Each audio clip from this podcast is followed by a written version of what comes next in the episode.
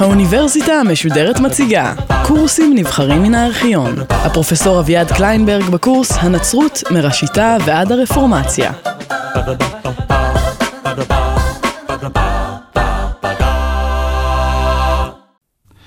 ישו אסף סביבו 12 שליחים, כמניין uh, שבטי ישראל. Uh, יהודה שהסגיר אותו ירד מן המניין והוחלף על ידי uh, מתי. Uh, אבל האדם שהשפיע יותר מכולם על עיצובה העתידי של הנצרות, לא היה בכלל אחד מן החבורה הראשונית שסביב ישו. פאולוס, או כפי שהוא נולד, שאול, הידוע בשם שאול התרסי, היה יליד טרסוס, בן למשפחה מכובדת, אזרח רומי, למד תורה אצל רבן גמליאל, והשתתף על פי עדותו ברדיפת נוצרים, משום שהיה פרושי קנאי. הוא נוכח אפילו בסקילתו של סטפנוס, אה, המרטיר הראשון, בשנת אה, 36 בירושלים. כאשר הוא הולך אה, לדמשק על מנת להמשיך בפעילות הרדיפה של הנוצרים, שמבחינתו הם מינים וכופרים ביהדות, הוא חווה פתאום חוויה מיסטית.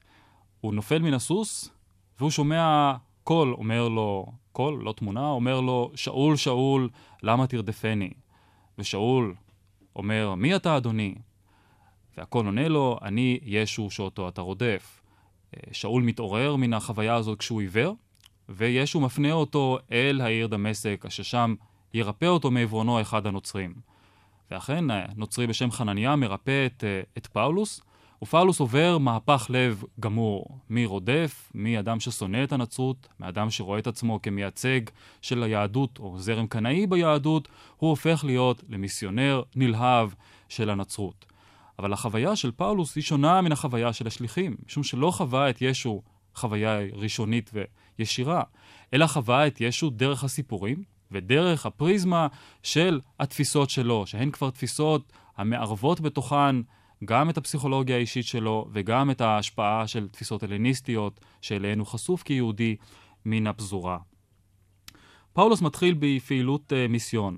באיזשהו שלב הוא הולך לירושלים, ושם uh, מתקבל על ידי השליחים.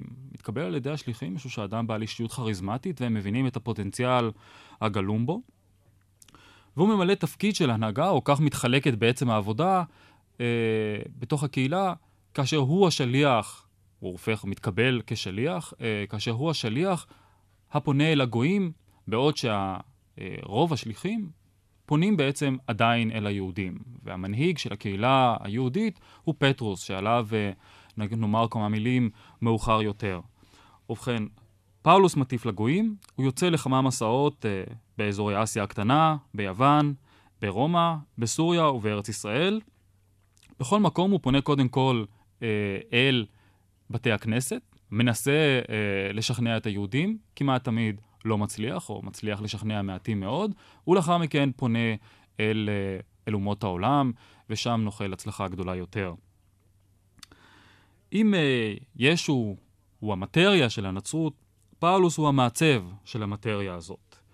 נשתמרו בידינו 13 איגרות המיוחסות לו, אה, ובהן הוא פורס את תפיסת הנצרות שלו, אגרות שהוא שולח לקהילות שונות שאותן הוא ביקר. אה, והוא שולח בהן גם אינפורמציה אישית, גם אה, איזושהי הדרכה לגבי מהי הדרך, מהי האמונה הנכונה, כיצד יש לחיות ולהאמין כנוצרי על פי תפיסתו. עוד סיפורים אנחנו יודעים עליו מתוך קובץ שנקרא מעשה השליחים, ושחיבר אותו אה, לוקאס. לוקאס שחיבר גם את האבנגליון הנקרא על שמו, ושהצטרף לפאולוס בחלק ממסעותיו. מהם העיקרים של התפיסה הפאולינית? התפיסה שכפי שאני חושב, משנה בצורה מהותית את הנצרות של ישו. העניין הראשון הוא באמת הפניית המיסיון אל הגויים.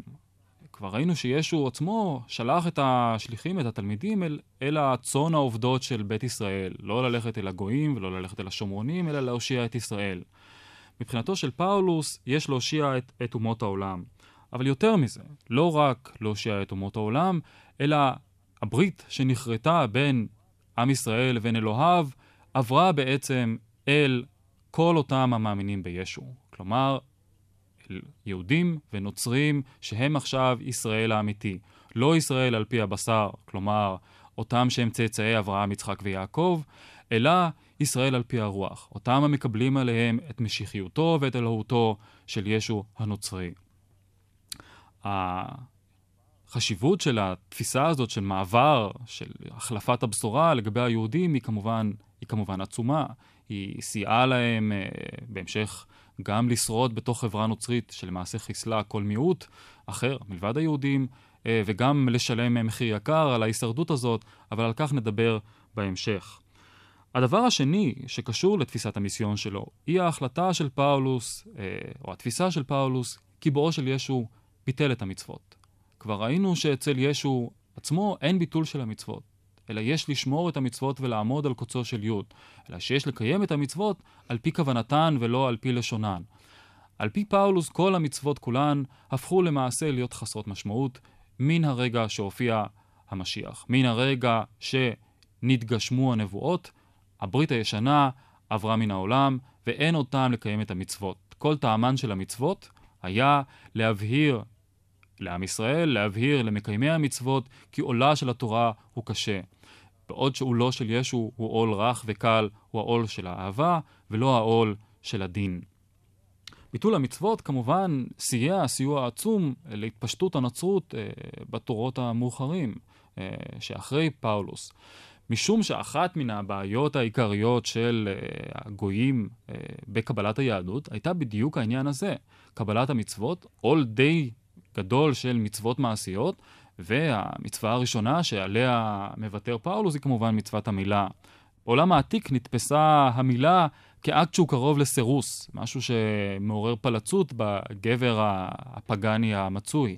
הנכונות של אה, פאולוס לוותר על, על המילה הזאת אפשרה להיכנס לתוך הקהילה אה, כחבר שווה בצורה קלה הרבה יותר. בנוסף לתפיסות האלה, שבאמת מרחיבות את אה, הנצרות מעוד כת בתוך היהדות לדת שיש לה יומרות אוניברסליות, להושיע את האנושות כולה אה, ולצרף אליה את האנושות כולה, משום שפאולוס תופס את uh, הפצת הבשורה כמצווה ממש. זאת אומרת, יש להפיץ את הבשורה לא רק לאותם נבחרים מעטים ש... איתרע מזלם ופגשו את אה, השליחים, אלא יש לעבור ממקום למקום ולהפיץ את הידיעות, או את החדשות הטובות, כפי שזה נקרא. מעבר לדברים האלה, התפיסה החשובה ביותר אולי של פאולוס היא תפיסת החטא שלו. אה, בפגישה הראשונה דיברתי על המיתוס הנוצרי והזכרתי את עניין החטא כעניין אה, מרכזי במיתוס הנוצרי הזה. אין ספק שפאולוס תרם תרומה חשובה למרכזיות של החטא אה, בעולם הנוצרי, בתפיסת הנצרות. ישו עצמו, כפי שראינו, גם הוא סבור שישנו חטא בעולם. אה, במקרה, באירוע מפורסם, כאשר מביאים בפניו אישה חוטאת אה, שאמורה להיסכל על אה, חטאיה, פונה ישו אל הקהל ואומר, מי בכם אשר אין בו חטא, יקום ויידה את האבן הראשונה. ואף אחד איננו מיידה את האבן הראשונה. שהרי כולנו חוטאים בצורה כזו, כזו או אחרת. ישו גם אומר בתפילה היחידה שהוא אומר, נותן לנו את נוסחת, מה שנקרא תפילת האדון, הפטר נוסטר, שהיא כוללת בקשה להימנע מן הפיתוי, כי איננו יודעים שנוכל לעמוד בפיתוי, כי נפש האדם היא חלשה. אבל אין אצל ישו שום תפיסה של החטא כמום קוסמי. אין אצל ישו שום תפיסה של החטא כמשהו שגורם לנכות אצל בני האדם, אלא להפך.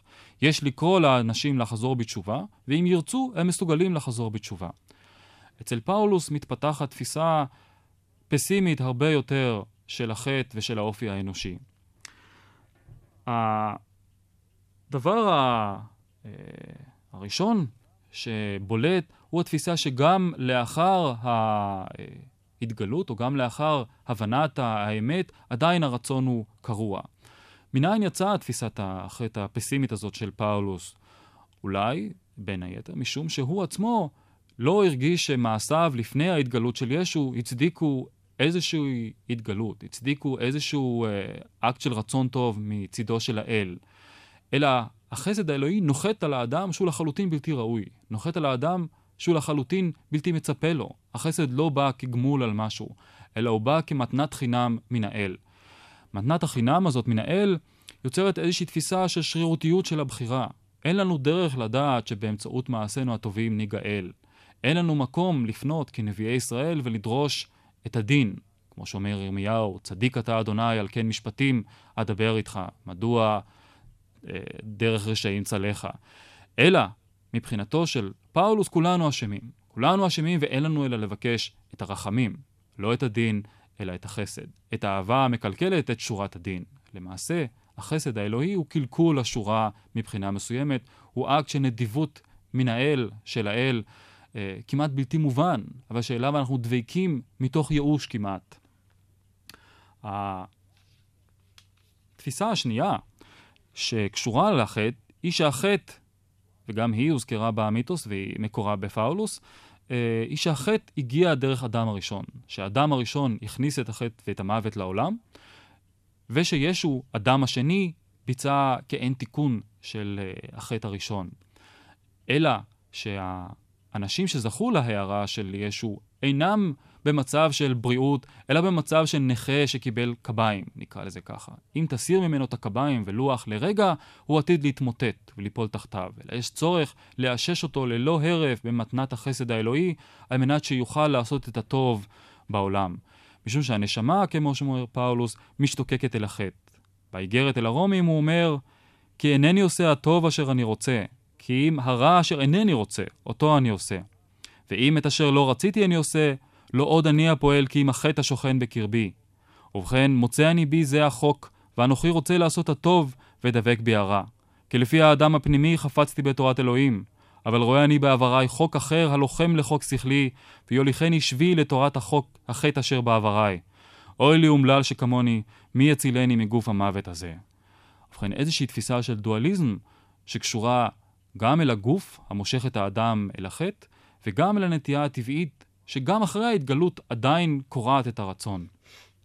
הדרך להיוושע, אם כן, היא למות יחד עם ישו באגן הטבילה, ולקום יחד עם ישו כאדם החדש, ולקוות, ללא הרף, שהחסד האלוהי יוביל אותנו בדרך הנכונה. לבסוף, כיוון שהקורבן של ישו, הקורבן המכפר של ישו, הוא אקט כל כך מרכזי, הופך פאולוס את שאלת הקורבן אה, ואת שאלת הצליבה לעניין אה, חשוב ביותר בהטפות שלו.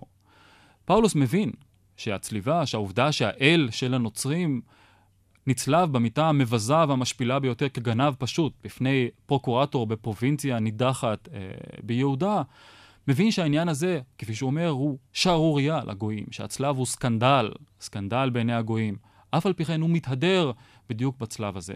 משום שמעשים טובים אין הוא מוצא בעצמו, משום שחסד אין הוא מוצא את עצמו ראוי לו, אבל הוא מוצא את עצמו יכול להזדהות עם הסבל של ישו, יכול להתגאות עם הסבל של ישו, יכול, כפי שהוא יידרש בסופו של דבר, למות יחד עם ישו ולמען ישו. הפעילות המיסיונרית של פאולוס והשליחים האחרונים עושה נפשות לכנסייה, באותם אזורים שעליהם דיברתי, אה, אבל עדיין אני רוצה להדגיש שאנחנו מדברים על אחוז זעום אה, מאוכלוסיית האימפריה. אם אה, במאה הראשונה והשנייה מנו היהודים כעשרה אחוז מאוכלוסיית האימפריה, הנוצרים מהווים חלק זעום וזעיר ביחס לכל ה... גם הן ליהדות והן לכיתות אה, מיסטיות אחרות שעליהן נדבר אחר כך. ישנם מרכזים נוצריים במזרח התיכון, במצרים אה, ובאפריקה. אבל אה, אנחנו מדברים עדיין על קהילה שולית באימפריה. קהילה שולית, שנתפסת גם כמחדשת, דבר שהוא אה, לא טוב על פי התפיסה של התקופה. היהודים אמנם אה, גם הם עושים, אה, עובדים איזה מין אל מוזר ואינם מוכנים להשתתף בפולחנות של החברה הרומית כולה, אבל לפחות הם יכולים להגיד לזכותם שיש להם אמונה עתיקה מאוד, ושהם מוציאים אותה ממשה רבנו, שגם הפגאנים מוכנים לקבל בזכות עתיקותו שהיה אדם גדול וחשוב. אבל הנוצרים נתפסים כאנשים זה מקרוב באו, יותר מזה כאספסוף, למרות שלא כולם uh, מגיעים מן השכבות הנמוכות, כיוון שהגיעו, כמו שאמרתי, מן הפרובינציה הנידחת, וכיוון שהמייסד של הכת היה נגר שנצלב, שהקיף את עצמו בדייגים ובקנאים ובנגרים או בעלי מלאכה אחרים, uh, התפיסה הזאת גורמת ליחס של זלזול באימפריה כלפי הנצרות. כך, איך נראית הקהילה הראשונית הזאת, שעליה אנחנו יודעים משהו מתוך uh, מעשה השליחים? הקהילה כוללת uh, גברים ונשים, כוללת אנשים ממעמדות שונים. Uh, עדיין בירושלים, אני צריך להזכיר, הנוצרים מקיימים את המצוות, או לפחות רבים מהם מקיימים את המצוות. אלה שמוצאם uh, מן היהדות מקיימים את המצוות ומשתתפים בתפילות בבתי הכנסת ובבית המקדש, uh, כל עוד המקדש קיים, יחד עם אחיהם היהודים. יש כמובן uh, מידה רבה של חשד כלפיהם, משום שאנשים אלה מאמינים שישו היה המשיח. אבל שוב, יש להזכיר שהאמונה כשלעצמה שמישהו uh, הוא המשיח, איננה פוסלת אדם בתור יהודי. שהרי רבי עקיבא, למשל, האמין שבר כוכבא הוא המשיח. ולאיש אין ספק שרבי עקיבא היה יהודי. כל עוד לא טענו הנוצרים היהודיים שישו היה אלוהים, כפי שיטענו מאוחר יותר, או כפי שיותר ויותר בהשפעתו של פאולוס טוענים אה, באומות העולם, כל עוד אה, אין הטענה שישו היה אלוהים, אפשר לקבל בצורה כזו או אחרת גם את היהודים הנוצרים בקרב היהדות. ישנה תחושה חזקה של אחריות הדדית בקהילה הנוצרית, תחושה שהם מוקפים בחברה שאיננה אוהדת אותם, מפעם לפעם רודפת אותם, לא רדיפות שיטתיות, אבל כמו במקרה של סטפנוס, יש סקילה של סטפנוס, שהוא דיאקונוס של הכנסייה, ויש תחושה של אה, עזרה הדדית בתוך הקהילה. אנשים אה, מסייעים זה לזה מבחינה כלכלית, שומרים על איזושהי קופה משותפת שממנה הם מוציאים אה, הן לעצמם והן לנזקקים. הקהילה מונהגת על ידי אה, זקנים, ביוונית πρεσβύτεροι, ובישופים, uh, אפיסקופי, אנשים שהם uh, משגיחים על הקהילה, דיאקונים, uh, אנשים שאחראים על חלק מן המשימות האדמיניסטרטיביות, וכן משליחים ונביאים נודדים, אנשים שמתהלכים בקהילות uh, הנוצריות ומביאים אם נרצה, פרשנות נוספת לבשורה וחיזוק באמצעות uh, הטפה של הבשורה הנוצרית. הטקסים הבסיסיים שהקהילה הזאת מחזיקה בהם, ושעליהם נרחיב את הדיבור מאוחר יותר, הם טקס הטבילה, טקס שמקורו, כפי שאמרתי, אצל יוחנן המטביל, וודאי עוד אה, קודם לכן. טבילה שנתפסת כאקט של היטהרות מן החטאים, ושבדרכו של, על פי תפיסתו של פאולוס, היא אקט של מוות אה, וקימה לחדש יחד עם האדון, טביעה בתוך אגן הטבילה. אה, סעודת הקודש, שהיא ניסיון אה, של שחזור הסעודה האחרונה, שבמהלכה הקהילה אוכלת ארוחה של ממש, לא כמו במיסה המאוחרת יותר, אוכלת ארוחה של ממש, ושבמהלכה הקהילה מזכירה את מותו ואת אה, סעודתו האחרונה של ישו, וטקס השמיכה. השמיכה שבאמצעותה כמו ביהדות, מסמיכים את הדור הבא של מורי ההלכה ושל מנהיגי הקהילה.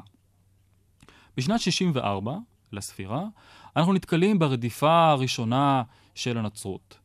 הדבר קורה לאחר שריפה בעיר רומי. הקיסר נירון מאשים את הנוצרים אה, בהצתת העיר. בתקופה הזאת אנחנו מוצאים אה, הוצאות להורג ראשונות אה, ברומא, התייחסות ראשונה משמעותית אה, אל הנוצרים, ו... באותה תקופה, בגל הזה של הרדיפות, מוצאים להורג בעצם שני המנהיגים של הקהילה הנוצרית הראשונה, פטרוס, אה, שנצלב, ופאולוס שראשו נערף. אנחנו לא יודעים אם פאולוס אה, הוצא להורג בדיוק ב-64 ואולי אה, ב-66, אבל ברור שבשתי השנים האלה שני המנהיגים של הקהילה מוצאים להורג. על אודות פטרוס מסופר הסיפור היפה, כי פטרוס מגיע לעיר אה, רומא, הוא שומע על תחילת הרדיפות, הוא יוצא מחוץ לעיר, הוא פוגש שם את uh, ישו. הוא פונה אליו, בלטינית כמובן, חושב שאתם יודעים שאלוהים מדבר לטינית בכתבי הקודש, פונה אליו בלטינית בדברים, קבו ודיס דומינה, לאן אתה הולך אדוני? וישו אומר לו, אני הולך להצלב בשנית. פטרוס מבין את הרמז, חוזר לרומא ומבקש להצלב כשראשו כלפי מטה, כדי שלא יהיה חס וחלילה בלבול בינו לבין האדון. ובכן, פטרוס מוצא את מותו ברומא, פאולוס נעצר, מוצא להורג בעריפה. על פי המסורת, גם השליחים האחר, האחרים, רובם, אה, מצאו את מותם במיתות משונות כאלה ואחרות. אה, אנחנו לא יודעים בדיוק, לפעמים אה, הדברים האלה הומצאו, אה, אין לנו מושג עד כמה הם אה, היסטוריים, אבל ברור שהקהילה הראשונה סובלת מן הגל אה, הזה של הרדיפות. בשנת 70 קורה אירוע משמעותי נוסף, והוא אה, חורבן בית המקדש, לאחר uh, המרד של היהודים כנגד, uh, כנגד uh, הקיסרות הרומי, ודיכויו על ידי הקיסרים וספסיאנוס וטיטוס, בנו. החורבן של בית המקדש הוא אירוע משמעותי הן לנוצרים והן ליהודים. מבחינת היהודים הוא כמובן זעזוע אדיר, משום שהמקדש הרי שימש מרכז חשוב ביותר לפולחן היהודי. מבחינת הנוצרים, יש בחורבן הבית הגשמת נבואות הזעם של ישו. ישו מעביר ביקורת חריפה ביותר על הנהגת היהדות ועל מה שהוא רואה כחילול אה, בית המקדש. באירוע חשוב, אה, כאשר הוא מגיע לירושלים, הוא מוצא את המקדש מלא בשולחנים, אנשים שמחליפים את השקל אה, שאמור להיות תרומה לבית המקדש. והוא uh, תוהה אם המקדש הזה הפך להיות למין בנק במקום להיות uh, מקום של uh, עבודת האל. הוא מעיף את השולחנות של השולחנים, uh, כמובן גורם לשערורייה גדולה בקרב, בקרב ההנהגה היהודית. השנים אה, שלאחר חורבן הבית הן כפי הנראה גם השנים שבהן מתקבצים, אה, מתפרסמים כתבי האבנגליון הראשונים. יש לציין שני דברים אה, מעניינים. הדבר האחד הוא שכתבי הבשורה נכתבים יוונית, לא נכתבים עברית. זה כבר חלק מן הפנייה אל הגויים, משום שהמיסיון בקרב היהודים הוא בעל הצלחה מוגבלת ביותר. גם משום שהשפה היוונית היא השפה הרווחת בתוך העולם ההליניסטי כולו, וכך אתה יכול לפנות לאנשים רבים יותר. הדבר השני שהייתי רוצה לציין בשלב זה, הוא שמלבד ארבעת האבנגליונים שאנחנו מכירים אותם בכתבי הקודש של היום, היו אבנגליונים נוספים, היו בשורות נוספות, נתחברו גרסאות שונות ומשונות על חייו של ישו, גרסאות שבהן היו סיפורים על שנותיו המוקדמות. שהרי כפי שאמרתי, באבנגליונים שנשתמרו בידינו, לא נאמר כמעט דבר על השנים בין הולדתו של ישו לבין שנת השלושים שלו. היו אבנגליונים בעלי דגש כזה ובעלי דגש אחר. אבל שלושת החשובים ביותר הוא מעשה השליחים, בתוספת לאיגרותיו של פאולוס, מתקבצים בתקופה הזאת, וכמעט כל הקהילות הנוצריות שאנחנו מכירים מקבלות לפחות אותן. בנוסף אליהם, יש לקהילות השונות ספר כזה או ספר אחר. אבל uh, הקיבוץ הסופי, או ההחלטה הסופית על uh, מהו, מה שנקרא הקאנון, מהו, uh, מהי הרשימה המוחלטת והאוטוריטטיבית של כתבי הקודש, ייעשה מאוחר יותר. בערך באותה שנה אנחנו גם רואים אה, כיצד עובר מן העולם הדור של האנשים שהכירו את ישו אישית. מכאן אנחנו יכולים להתחיל לדבר בעצם על הנצרות לא כדת המאזכרת את המייסד, אלא כדת הממציאה אותו או המייסדת אותו מחדש על פי צרכיה המשתנים בתוך עולם משתנה.